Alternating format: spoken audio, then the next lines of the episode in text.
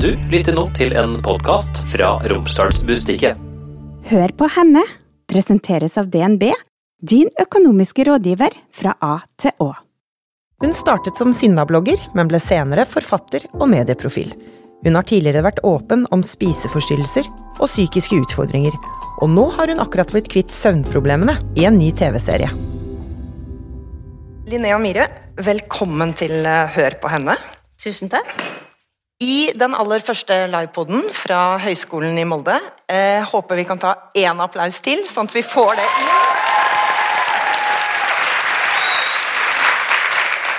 Veldig bra nivå på Imponerende. publikum. Veldig imponerende. Ja. Veldig kjekt å ha deg her. Hvordan eh, går det?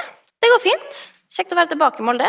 Jeg er jo ikke så her så veldig ofte lenger, eh, av naturlige årsaker, når man bor i en annen by. Men eh, det er jo fint. Det var bare litt mer snø her enn Så jeg kom kun i joggesko og høye hæler. Så det var ikke optimalt. Men jeg har overlevd. Har du sovet godt i natt? Um, vet du hva, jeg må si, jeg har sovet egentlig veldig godt hver natt i, i veldig veldig mange måneder, men i natt så syns jeg det var litt vanskelig fordi at jeg var, skulle sove alene på hotell. Um, så det er bare overgangen, liksom. Men jeg fikk sove til slutt, så jeg har fått gode åtte timer søvn, cirka. Eh, så jeg vil si sammenligna med tidligere i livet, så vil jeg si meget bra. Du har jo um, tidligere kanskje ikke hatt et sånt hjertelig forhold til eh, Molde. Hvordan uh, er det med deg og Molde i dag? Hmm, hva sikter du til? Ikke hjertelig forhold til Molde? Føler du at det har vært krass? Nei, også, jeg vet ikke. Skal vi begynne å rippe opp i det? Jeg er veldig glad i Molde, og det, det har jeg alltid vært og kommer alltid til å være. Jeg da jeg flytta herfra etter videregående, så var jeg veldig lei, ferdig med Molde. Men det er man jo av Når man er i den alderen, så blir man veldig ferdig med alt. Så da hadde jeg veldig behov for å, å flykte. Eh, men var jo veldig mye. Men jeg er, er veldig stolt av byen min og eh, føler at jeg er flink til å representere med tanke på Jeg har ikke endra dialekta mi et sekund. Det er jeg veldig stolt over. Og så Men det er jo liksom Man føles Det er en litt annen planet, bare. Det er akkurat Når man kommer tilbake, så er det akkurat som, som det alltid har vært. Og det er veldig fint og trygt. Eh, Men når jeg er i Oslo, så glemmer jeg jo også litt av at det, at det eksisterer. Sånn, at, sånn blir det jo bare. Og det har jeg lært meg å akseptere, da. Jeg er veldig stolt over byen min og folkeslaget mitt, og jeg tror det bidrar til å gjøre meg til den jeg er også, som kanskje ikke er lik som alle andre, da. Og hvordan var det å vokse opp i Molde på 90-tallet? Hva har du på en måte med deg? Nei, det var jo kjedelig, da. Det var først og fremst. Uh, jeg husker at jeg tenkte sånn, hvis jeg får barn, skal jeg aldri oppdra mine barn i Molde, for da kommer de til å kjede seg i hjel. Uh, men likevel, jeg, jeg, gjorde jo ikke det. Jeg hadde jo masse tilbud og gikk på teater og gikk på alt man kunne gå på, liksom. Og jeg følte først og fremst at det var veldig trygt. At jeg ville ikke ha vokst opp noe annet sted, fordi det var man kunne jo gjøre absolutt hva man ville, og bare leke utendørs og liksom eh, Alle kjente alle, og det, det er jeg veldig takknemlig for at jeg fikk den oppveksten. Jeg ville ikke hatt det på noen annen måte. Og du blir jo da eh, først kjent for eh, bloggen din, som heter Alt du vet er feil. Um, og da ble du raskt kalt en sinnablogger. Hvor bevisst var det imaget, hvis det var et image? Jeg tror det var ganske tilfeldig um, at det var det det begynte på. Altså, det var, blogg var jo helt nytt da, uh, og veldig mange drev jo da på å liksom, skrive om hva som skjedde hver dag, men med veldig positivt fortegn. Det var det liksom alt som var bra i livet.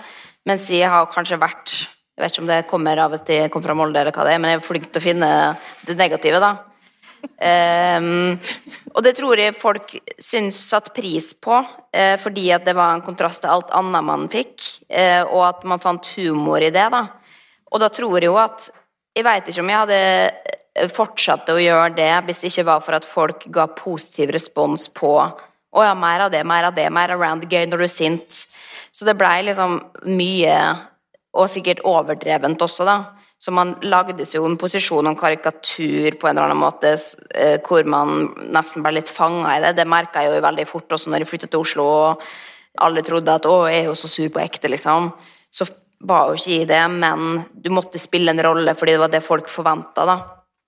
Men nå, hvis man ser på det i retrospekt, så kan jeg jo angre litt på det, fordi det er veldig vanskelig å bli kvitt det, det stampelet der.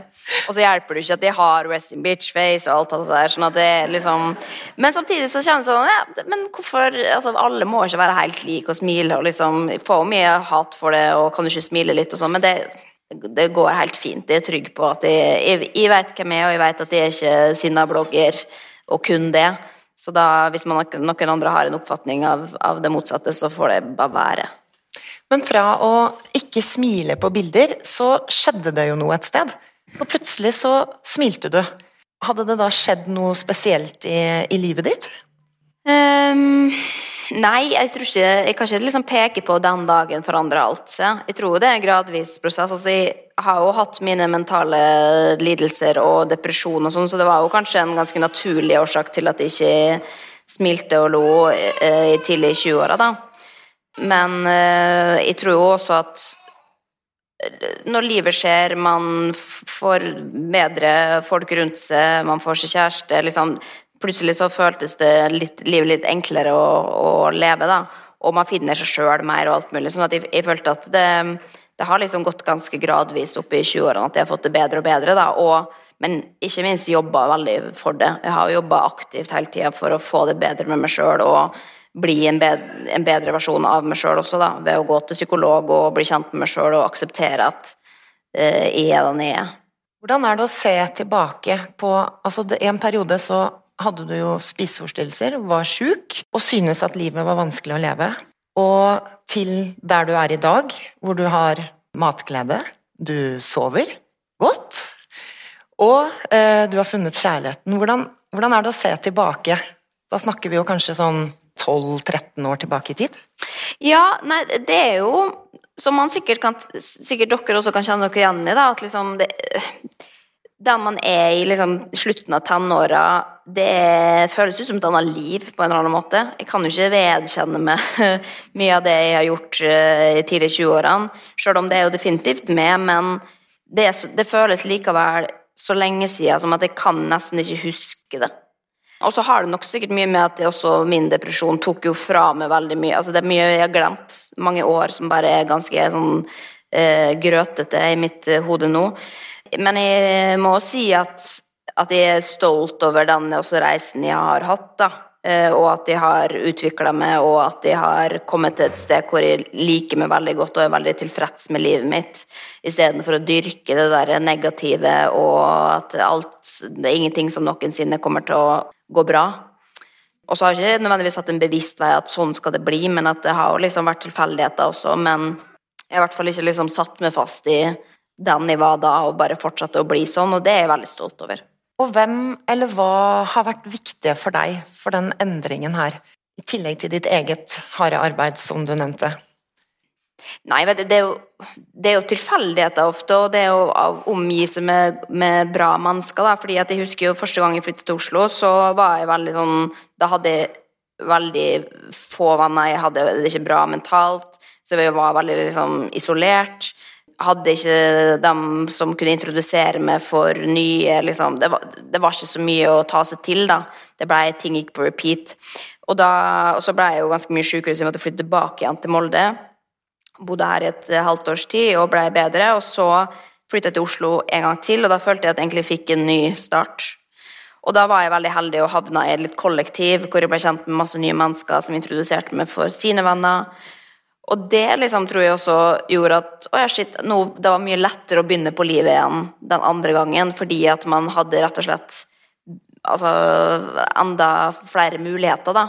Og selvfølgelig var mye friskere også, sånn at det er jo ikke alt i velger å si 'sånn vil jeg ha det, da blir det sånn'. Det er jo også veldig mange tilfeldigheter, men og det å tørre å prøve igjen da, hvis ikke man får det til første gangen, det tror jeg også har vært mye av grunnen til at det har gått bra. Har du hatt eh, kvinner rundt deg som har eh, heia på deg underveis? Um, ja, det føler jo alle i min vennegjeng heier. Um, men jeg tror ikke vi er så flinke til å liksom uh, gi tommel opp på alt vi gjør. Og jeg er ikke noe god til det heller. Følge opp og nå har du gjort det', og applaus for det, liksom. Vi tror jo Alle er jo litt opptatt av sitt så man er jo, får kanskje ikke alltid med seg det den andre gjør, med mindre man er, har veldig mye kontakt. da. Men jeg føler jo, det er i hvert fall ingen av mine venner som ikke har heia på meg.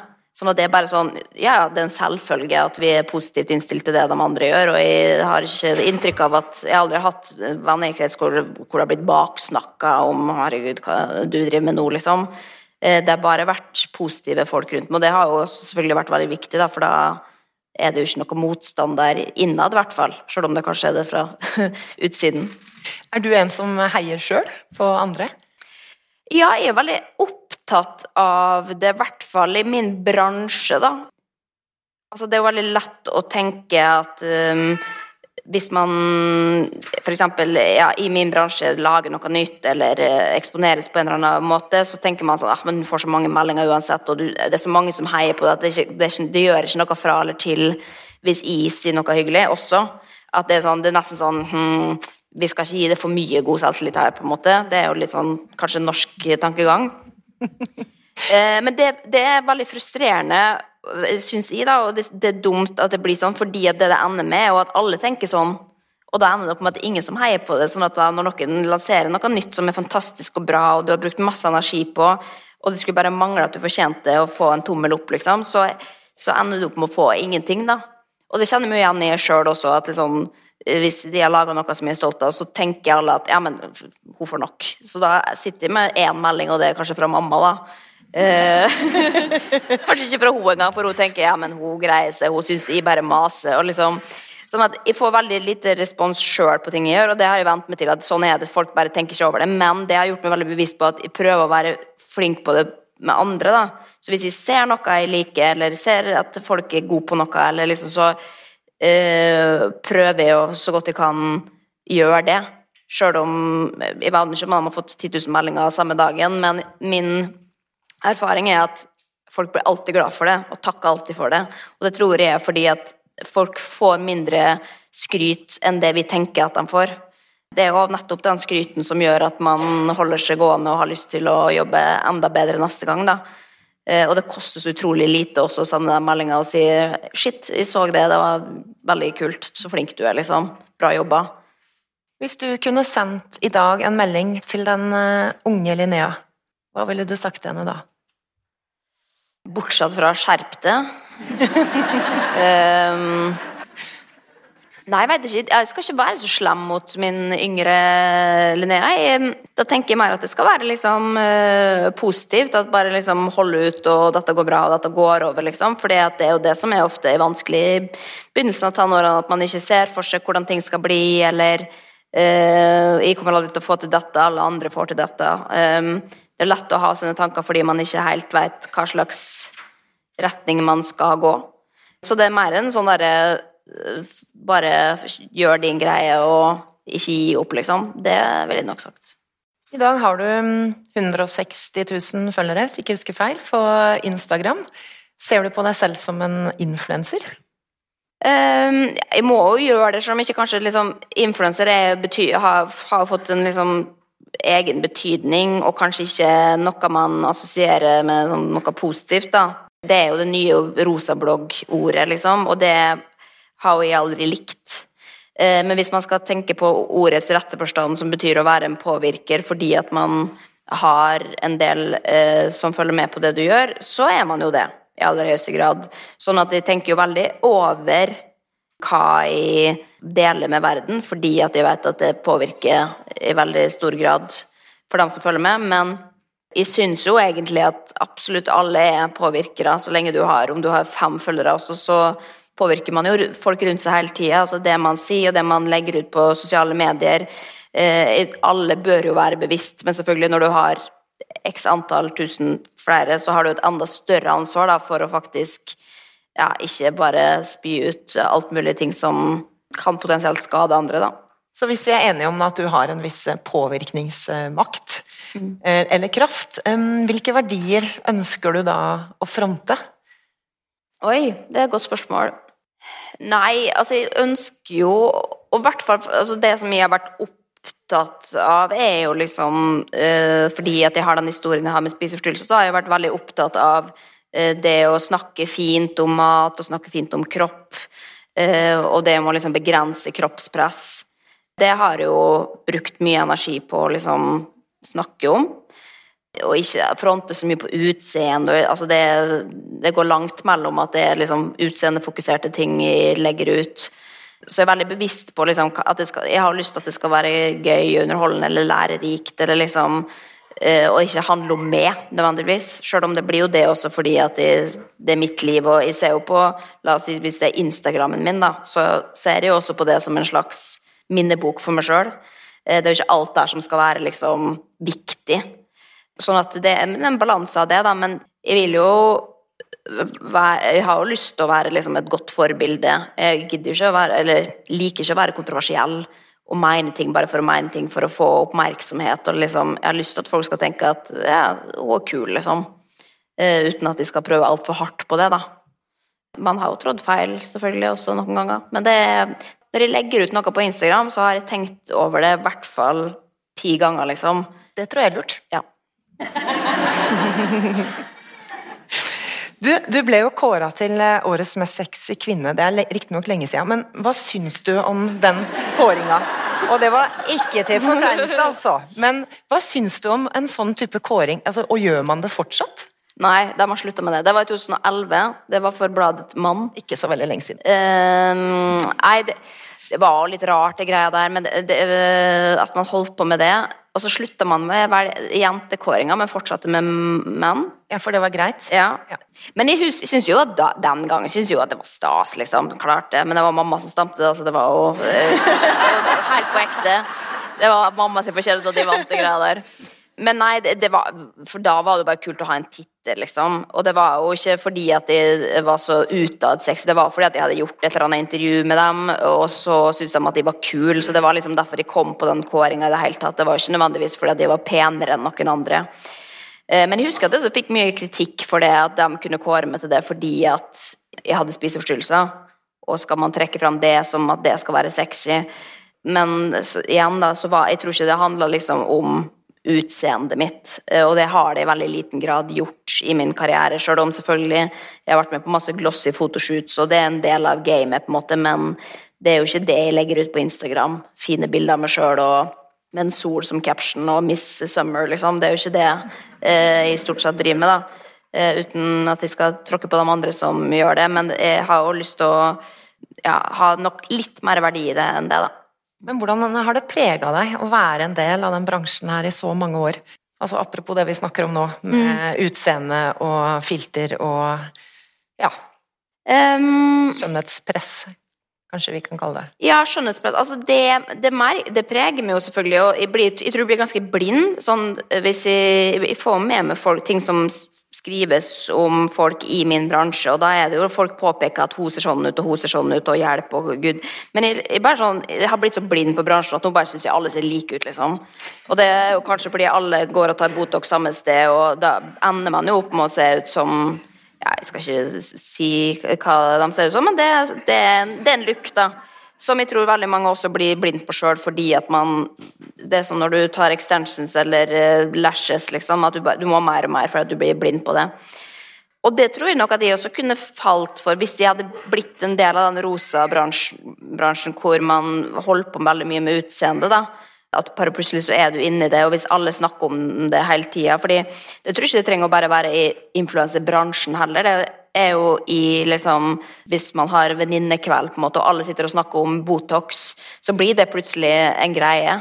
Men når det er sagt, så er jeg veldig stolt over at jeg ikke har holdt på med sånne ting, og at jeg, jeg syns jo veldig synd på dem som har endt opp med å bare ville ha mer og mer og mer, og mista litt eh, kontrollen på hva man egentlig holder på med utseendemessig. At man må bare man må fikse på noe mer for hver dag som går, fordi at man hele tida finner en ny feil. Og du, du lærer deg aldri å bli fornøyd med det sjøl. Og jeg tror det dessverre også er mye av publikummet sin feil også, fordi at det skrives jo ganske mye dritt på sosiale medier, og folk påpeker nye ting man skal være misfornøyd med hele tida. Så jeg tror jo veldig mange av de unge jentene som har vært sårbare der ute, har fått påpekt at å, nesen din er stygg, eller uh, du har rynker i panna, eller Og så går man og fikser det, rett og slett. Fordi at man gidder ikke å bli ja, shama på den måten, da. Og jeg har også hatt mine komplekser hvor jeg har tenkt på fader, ja, men hun burde bare få Botox, liksom. Men det jeg er glad for at jeg har gjort, er jo å vente og sette om det har gått over. Og som regel så gjør det jo det. Så det er et råd.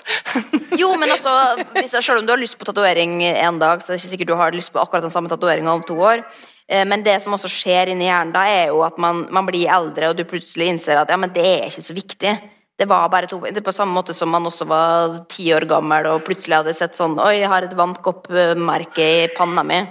Som var det eneste jeg så da jeg så meg i speilet, liksom. Eh, Og alle andre ser det sikkert også. Og det kommer jeg til å gjøre resten av livet, og når jeg blir voksen nok, så skal jeg operere det bort. Altså, det er sånne idiotiske tanker man får, og så bare sånn Nå har jeg ikke tenkt på det på 20 år. Sånn at det er jo noe med at ting også går over, da. Men å tørre å stå i det lenge nok til at man blir moden nok til å tenke at vet du hva, det definerer ikke meg som menneske om jeg er snill, eh, om jeg er morsom eller kul eller oppegående. Det er utseendet mitt, og hvis jeg eier utseendet mitt, så er det ingenting som er bedre enn det, da.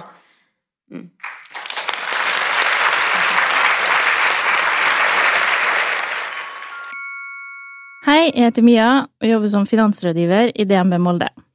Drømmer du om å kjøpe din første bolig, eller har du kanskje vokst ut av boligen du har i dag? Det å kjøpe bolig er en av livets største investeringer, og uansett hvor du er i din boligjakt, ønsker vi i DNB Molde å være din rådgiver fra A til Å.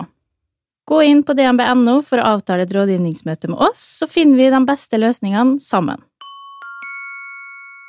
Linnea, du lever jo til en viss grad av å være Linnea Myhre. Hvordan er det å på en måte være både et produkt og et menneske? Altså både personen og bedriften? Um, jeg tror ikke at de forholder meg til det så veldig mye, fordi at de føler ikke at de stikker med så jeg er ikke, eh, for bare for å bruke et eksempel, da, hvis liksom ekstremversjonen er Sofie Elise, som da blir denne bedriften, og som blir da omtalt, og hvor man ikke greier å skille mellom osv., så, videre, så føler jeg at jeg er så utrolig liksom, mye mer forsiktig og stikker meg ikke fram så ofte, i den grad jeg er ikke kontroversiell på den måten. Eh, og i tillegg så slipper jeg også å forholde meg til mennesker i veldig stor grad, fordi eh, folk er redd for meg. Hvorfor det? Hvordan?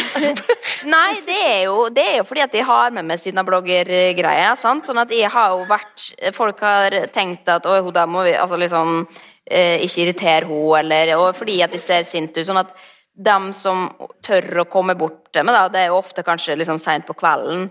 Så det er noe som endelig har eh, liksom psyka seg opp. Men da er det likevel, hvor, uansett hvor mange enheter du har drukket, så sånn Unnskyld, altså, men altså, Det er alltid en unnskyld at jeg plager det. Eh, mens andre kollegaer i min bransje jo, blir jo, kan jo ofte ikke være ute i offentligheten fordi at det blir så slitsomt. Så jeg, ofte i min bransje, hvis jeg er ute med venner som har den type eksponering, da, så kan jeg være bodyguard, for eksempel. For da er det ingen som kommer mellom. Og du blir ikke stoppet på gata? Nei, nei, nei. Aldri. Veldig, så derfor jeg føler ikke forhold å holde meg til det overhodet. Eh, I den grad som sikkert mange andre gjør, da, i, i min bransje. Men du deler jo mye personlig, altså både om det gjelder spiseforstyrrelser eller søvnproblemer. Um, hvor går på en måte grensa for deg? Um, nei, det er jeg blitt ganske bevisst på underveis i året. Jeg har liksom prøvd meg litt fram i, i 20-årene med liksom privatliv og sånn. Altså, jeg, jeg føler at jeg egentlig er ganske privat i forhold til mange av mine kollegaer, hvor man eksponerer hva man gjør hver eneste dag. Det hadde aldri falt inn med å skulle liksom dokumentere dagen min. Det gjorde jeg jo litt på bloggen da jeg var 20, liksom. Men likevel, det var en bitte, bitte liten del, og det var jo mest det å være negativt i løpet av dagen, ikke alt det andre. Som gjør jo også at man får et ganske sånn skeivt blikk på hvem man egentlig er, da, fordi at man velger å fokusere på én del av livet. Men uh, hvor grensa går, det er jo Jeg tenker jo at liksom, når jeg lager Søvnløs, så eh, er jo det sårbart på én måte, og liksom du får bli med meg inn i senga hvor kjæresten min filmer, selv om man aldri får se han. Så er jo det noen kanskje tenker at herregud, det er altfor privat. Men for meg så er det, en så utrolig bitte liten del av livet mitt. Det er jo mer enn det vanlige folk pleier å dele, men det er en så liten del som jeg har liksom vært helt sikker på at ok, akkurat dette tåler jeg. Fordi hvis du gir bort alt, hvis du viser hverdagen, og hvis du viser familie og venner, alt mulig, da sitter man igjen og har ingenting som er privat lenger. Så jeg er veldig bevisst på å holde vennene mine og det meste av privatlivet privat, da. Og er veldig tydelig på å si nei til det aller meste som, er, som skal bidra til å liksom eksponere livet, rett og slett. Men noen ganger så er det jo også eneste måten å Sånn som med søvnløs, eksempel, så har det jo vært et poeng å nettopp kunne være privat for at man skal kunne få se at noe er ekte, da. Og for å løse et problem, og for å også hjelpe andre med å kanskje løse det samme problemet. Men reality-programmer, det har du jo sagt eh, en del ja til. Ikke i forhold til forespørsler. Hvor mange har du sagt nei til? Nei, det, kom, det, er mye rart som kommer. Men jeg har jo egentlig bare vært med på liksom tre kanskje store, da. Eh, sånn at um, jeg kunne nok ha solgt sjela mi i ganske mye høyere grad. Det som er gjennomgående med det, det er jo at da er det ofte ting som jeg har gjort som jeg personlig har lyst til å gjøre. Ikke som, som, ikke handler om å ønske å være på TV, men som gjør at de kan vokse. For eksempel, jeg var på Skal vi danse i 2014, og det Eh, var jo mest for at de skulle greie å komme ut av den negative bobla hvor jeg var inneslutta og alt mulig, og lærte sjukt mye om meg sjøl. Ikke lære å danse nødvendigvis, men å tørre å være litt mer blid og, og, liksom by på meg sjøl, da. Eh, og Kompani Lauritzen også. Det handler ikke om å vinne, det handler bare rett og slett hvor mye, hva, hva, hvor mye har jeg å gå på mentalt. Men ble du en bedre versjon av deg sjøl? Mm. Nei, men det var fordi jeg var ganske god allerede da. um, nei, men, men, det er interessant Det er et eller annet Jeg har lyst til å få noe ut av det sjøl. Hva kan jeg vinne på dette? Og som regel så kan man ikke vinne noe på alle disse tingene der. Eller veldig mange i min bransje bare er med for at man skal tjene penger på det. Det kan aldri være min motivasjon at ja, men faen, jeg, jeg skulle hatt de pengene. Da er jeg med på det. For da tror jeg også at man ser tydelig at å, du er ikke keen på å være her. Du bare er for eh, paychecken, liksom. Og det syns jeg er generelt en uting. Sånn som nå når du holder på med lansering av Søvnløs, og du er i mange kanaler, hender det på en måte at du blir litt sånn lei av deg sjøl? Ja, jeg blir veldig lei av meg sjøl uh, eh, i promoperioder. fordi at Det er jo den overfladiske biten. fordi at eh, Når jeg har laga Søvnløs, så har jeg jo sittet oppriktig hver eneste dag og jobba med dette sjøl. Til og med i klipperommet, liksom. Så jeg føler at jeg har satt mine fingertrykk på absolutt alle prosesser i denne serien. Og det syns jeg er kjempegøy, sjøl om det også handler om meg, men det, bare, det kobler ut. Jeg har lyst til å lage et godt mulig produkt som mulig da kommer det jo til land hvor du skal promotere det etterpå, som er jo vel så viktig for at folk da faktisk skal få med seg dette man har brukt mye tid på å, å lage. Men det framstår jo som fra utsida, da. Det er jo kanskje kun det folk flest ser. Da er det jo veldig navlebeskuende. Og jeg, jeg har ikke noe glede av å gjøre det lenger, egentlig. Og jeg syns, i hvert fall hvis det liksom skal handle om meg, da men noen ganger så gjør man det likevel fordi at, uh, at det er viktig, f.eks., eller det er kvinnedagen, eller det Og i hvert fall med liksom søvn også, så har jo Der syns jeg det er gøy på en annen måte fordi at plutselig så handler det om noe som mange kan lære av. Det handler ikke om at jeg skal fortelle min historie nødvendigvis, det handler om hva er det nok folk kan få ut av det. Da gir det meg mer enn hvis jeg bare skulle sagt sånn Ja, hvordan går det med bryllup om dagen? Og liksom Hvem faen bryr seg, på en måte? Det er jo eh, Vi må Jo, dessverre så er jo noen interessert i det også, da. Eh, og da kan jeg svare på ett spørsmål om det også, men da er det jo Jeg liker jo mest å snakke om det som er budskapet, da. Og nå har jo da Søvnløs eh, gått en, noen uker, altså både TV-serien og podkasten. Hvilke tilbakemeldinger får du? Nei, for det første, jeg får jo ikke så mange tilbakemeldinger, da. Søvn er jo et, uh, noe alle forholder seg til, som gjør jo at eh, alle må, må, må, ha en mening om det. Og jeg var veldig redd for hvilke tilbakemeldinger jeg skulle få, fordi at vi greier jo ikke å dekke hele tematikken, fordi at det er så utrolig stort. Det er så mange typer søvnproblem. Ingen har lik søvn. Det finnes ikke én løsning for alle, osv. Så, videre. så jeg var så redd for at jeg skulle liksom få den der sånn Hvorfor dekker du ikke det? Hvorfor uh, gir du det rådet når ikke det funker for meg? Men det har jo egentlig vært utelukkende positivt, hvor folk setter pris på en åpenhet og kunne faktisk se uh, noen sliter med det på ekte. da. At ikke det bare, altså De tror det er veldig mange ting i min bransje og TV-program hvor det er egentlig ikke problemet som, som lager TV-serien, men at man skal ha en TV-serie hvor man trenger et problem, og så lager man et litt sånn konstruert problem. Her begynte det jo med problemet jeg hadde lyst til å fikse i søvnen min. Da ville jeg lage en dokumentarserie om det. Eh, og det gjør det jo litt mer ekte, og det får jo virkelig liksom tilbakemelding om at det er også sånn det framstår, da. Og så er det jo dessverre også sånn at det er noen som Når man byr på seg sjøl, så vil det jo også være noen som syns at det sånn er feil som henger seg opp i ting i si, eller vrir på det, eller da har en oppfatning av at fordi at de da har vist en bitte liten del av livet mitt, så eh, tror de at de har veit alt. Og det er jo litt frustrerende ja, når det tar fokuset, da, for når jeg har prøvd å lage noe som skal være opplysende, og hvor jeg har bydd på meg sjøl, og det har kosta ganske mye, og så liksom uansett alt du gjør, er feil, da. Og det kan for meg noen ganger ta litt mot av en. Da har man ikke så lyst til å lage sånne ting hvis, hvis det bare skal bli personkritikk hver gang, liksom. Opplever du mye av det? Nei, lite, og i hvert fall ingenting direkte. Jeg får ingenting i direkte innboksen, eller sånn, men det fins jo alle disse anonyme forumene som jeg syns det er litt viktig å, å, se hva som skjer på. Så jeg får jo med meg mye. Og det syns jeg er vanskelig å takle da, når man føler seg misforstått, og du får ikke mulighet til å rette opp i det, da. Da kan jeg være litt sånn Ok, men jeg vet ikke om jeg syns dette her er verdt det. Eh, at folk skal få en skal misforstå prosjektet så innmari, da. Eller gjøre seg en åpen mening om hvem jeg er som menneske. Det syns jeg er ubehagelig. Men eh, i forhold til andre kollegaer jeg har, så tror jeg jeg får veldig lite. Og for din egen del så har dette prosjektet endt opp med at du nå sover godt. Kan du si litt om hvordan livet har endra seg for deg? Jeg vil jo si ganske radikalt. Altså fordi eh, Før jeg begynte på dette prosjektet for ett år siden, så gikk jeg jo på sovemedisiner hver dag, ganske mye. Men, og da begynner man jo å trappe opp og opp, fordi at man blir jo litt immun mot sovetabletter eh, etter hvert. Uten at jeg reflekterte over det da, for jeg hadde ikke nok kunnskap, men da var jo livet mitt egentlig ganske grøtete. Altså sånn, Fikk ikke med meg hvor jeg var i hverdagen bare jobba på autopilot, eh, var alltid sliten, hadde ikke overskudd til egentlig å, snakke særlig med venner, kjæresten min. Altså var, Jeg følte alt var en belastning, da.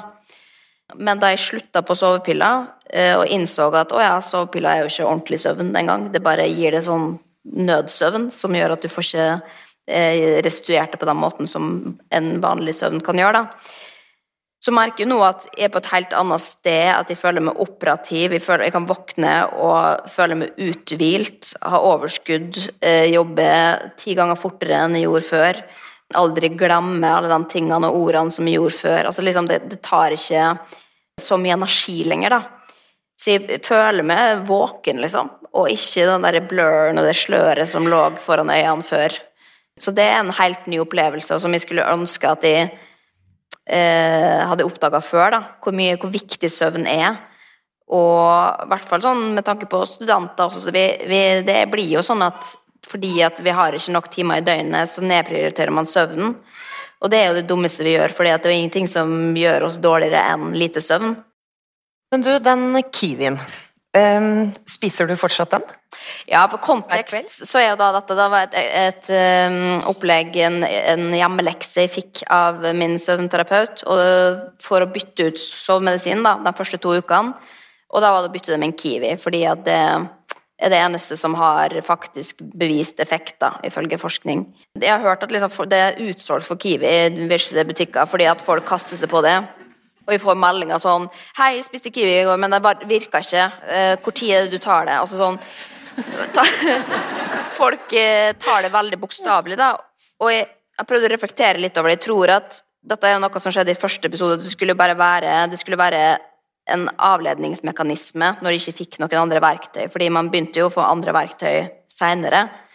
Og jeg liker ikke ikke Kiwi engang, så det var grusomt for meg.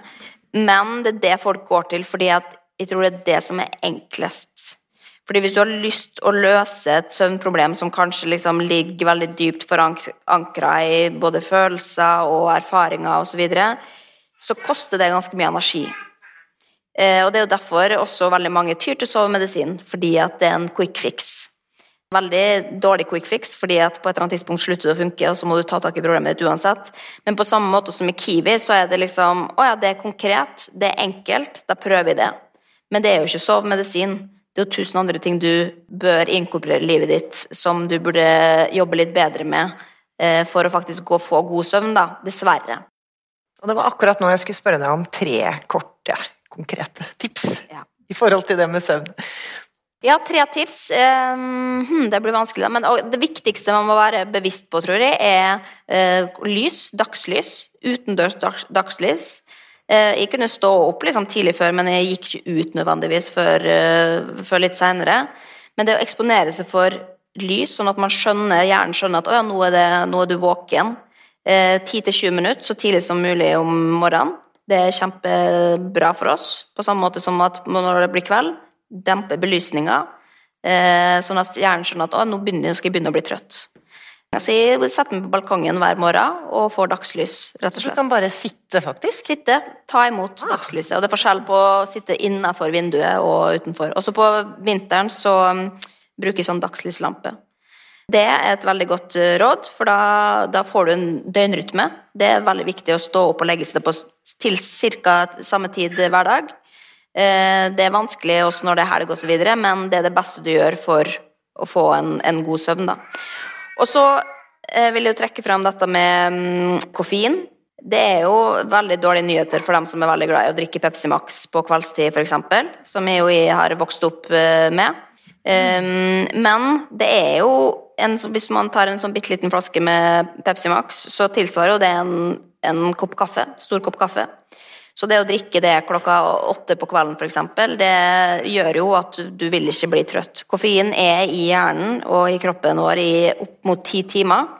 Så det vil si at hvis du eh, drikker en kopp kaffe klokka, eller en Pepsi Max klokka to, så vil det i teorien eh, svirre rundt der oppi fortsatt liksom mot midnatt.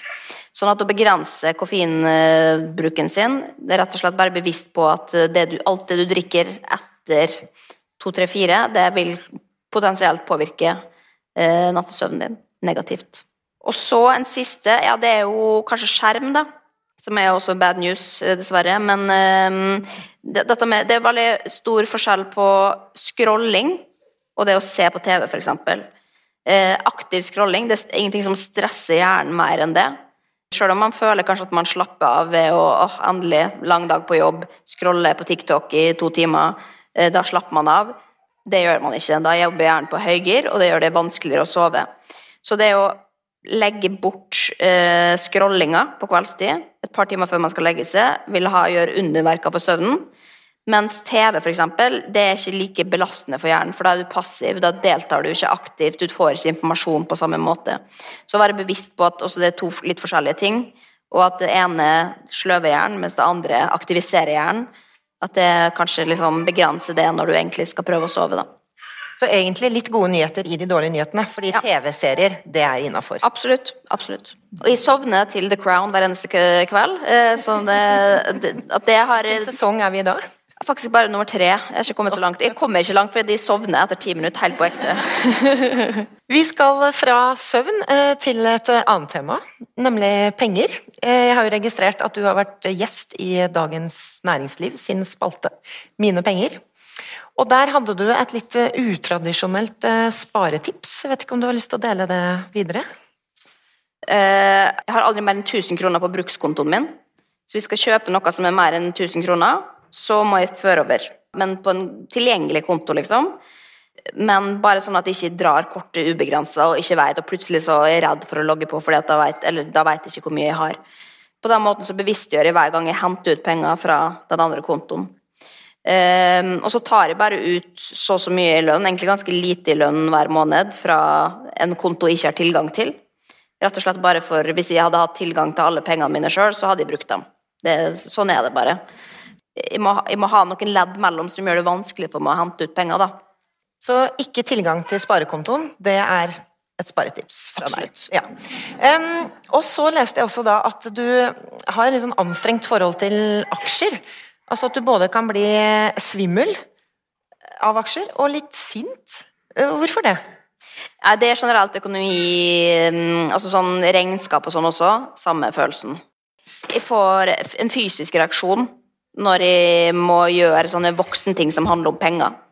Og det tror jeg egentlig er litt sunt, for det gjør jo at jeg bare setter alle de jobbene bort til andre.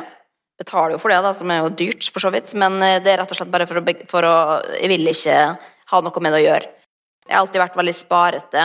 Og det er fordi at jeg kommer ikke for, fra så veldig mye penger. sånn at jeg har alltid tenkt at man må spare fordi at jeg vil ikke at det skal gå tomt, fordi at det er så grusomt å gå tom. Um, som gjør jo at de også da er veldig redd for å bruke penger. Og det er jeg egentlig litt glad for, fordi da flyger de ikke ut uh, sånn som man kanskje kunne gjort hvis man plutselig får en stor paycheck fordi at man har gjort en, en stor ting, liksom. Så uh, tenker jeg at de skal spare det for a rainy day. Uh, men da er det i hvert fall vanskelig å se for seg at de skal liksom, investere penger og kanskje miste dem, liksom. Det er jo mitt mareritt. Eh, så jeg ser ikke for meg at jeg skal begynne med det med det første. Vi skal litt over til framtida. Um, fra at du ikke så en framtid når du var ung, hvordan forholder du deg til framtida i dag? Nei, jeg er jo veldig positiv, da. Eh, men jeg er jo veldig opptatt av at ikke liksom jeg skal Jeg har aldri sett sånn skal det være, eller sånn vil jeg ha det. Jeg vil jo ha det bra, det er det eneste de vet, liksom. Og jeg vet at de skal gifte meg, og at jeg eh, har lyst til å leve med den mannen for resten av livet, men jeg vet ikke hva jobben min skal være, eller hvordan, hvor jeg skal bo, eller liksom Det er litt sånn oppe i lufta, og det liker jeg egentlig veldig godt. At ikke ting er stadfesta at sånn må det bli, for da, da, begrenser man jo litt mulighetene sine også, eh, og kanskje tar ikke de mulighetene man får som dukker opp på veien, da. Eh, men jeg er veldig positiv eh, til framtida, og at den kan gå i tusen forskjellige retninger. Det syns jeg egentlig bare er en deilig følelse. Så lenge jeg vet at jeg har mannen jeg skal dele livet med, så føles det veldig trygt. Og apropos det, da. Nå kommer jo det spørsmålet om bryllupet som du gleda deg til. hvordan går det med planleggingen? Nei, jeg kunne gifta meg i morgen. Det er ferdig. Det er klart. Alt er på sted? Ja, ja, kontroll. Så det, det, det, vi, vi, er en god duo. Min kjære har vært uh, eventplanlegger i tidligere liv, sånn at vi uh, Det er ingenting som, som, mangler der, på en måte. Og hva slags bryllup eh, vil du ha? Nei, Jeg har alltid ønska meg et grand bryllup, så jeg tror det er det det blir, men privat, da. At det er ikke noe Det, det er ikke solgt til Se og Hør, for å si det sånn. Eh, selv om jeg kunne tjent mye penger på det, men det velger da er privatlivet mitt eh, viktigere enn uh, penger. Linnea, hva har livet lært deg så langt? Har du noen råd som du vil dele med andre? Ja, jeg har egentlig ganske mange råd. Jeg. Nei, men det, det, jeg har lært meg, da, er jo at det å gjøre feil, det å ikke få til ting, eller det å Og ikke minst oppleve motgang og vanskelige ting, eh, det gjør du jo veldig sterk og erfaren, gjør at du takler ting bedre i framtida. Det er jeg veldig takknemlig for at jeg har fått all den motgangen jeg har fått for å natte opp. Det, jeg føler at det bygger karakter, og man blir sterkere av det. Det jeg vil nesten oppfordre til. Oppsøke problem for å, for å lære av det. Mm. Nei, men å huske det når man står i dritten, og huske at det at det kan gå bare framover. Og ikke minst det med ta, med ansvarlig for sin egen lykke og framgang, da. Og ikke bare vente på at, at universet skal fikse problemene og levere kjæresten på døra og eh, jobben omtrent. At du må ta litt grep sjøl hvis du har lyst på en forandring i livet ditt. Eh, eller hvis du har et problem, så kommer ikke det til å løse seg på magisk vis. Da må du faktisk noen ganger søke hjelp eller finne ut hvordan du skal løse det for at du skal komme videre. Og det eh, tror jeg er det viktigste jeg har lært meg, i hvert fall om det gjelder søvn eller syke eller eh, hva det skulle være. At faktisk liksom Det er ikke gratis her i livet. Du må jobbe for det. Hvilken kvinne ser du opp til? Åh, det syns jeg er et vanskelig spørsmål, fordi det er jo så mange å se opp til av ulike grunner. Men en som jeg liksom alltid kommer tilbake til, og som jeg bare syns er helt fantastisk, Åse Kleveland. Hvorfor det? Jeg tror det bare er væremåten hennes. Hun er som en gudinne. En gang så hadde jeg gleden av å møte henne eh, i Rosendal, og da kom hun Det var en maxitaxi som kom kjørende inn på gårdsplassen der mens jeg satt ute på et tun og skulle et eller annet.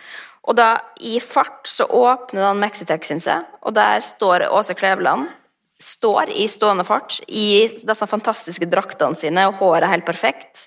Og så kommer hun ut som en sånn gudinne og så, og bare, og så si, og gir hun med et kompliment. 'Du ser fantastisk ut. Hvordan har du det?' Altså sånn. Og da tenkte jeg sånn Sånn skal jeg være. Sånn skal jeg faen meg være.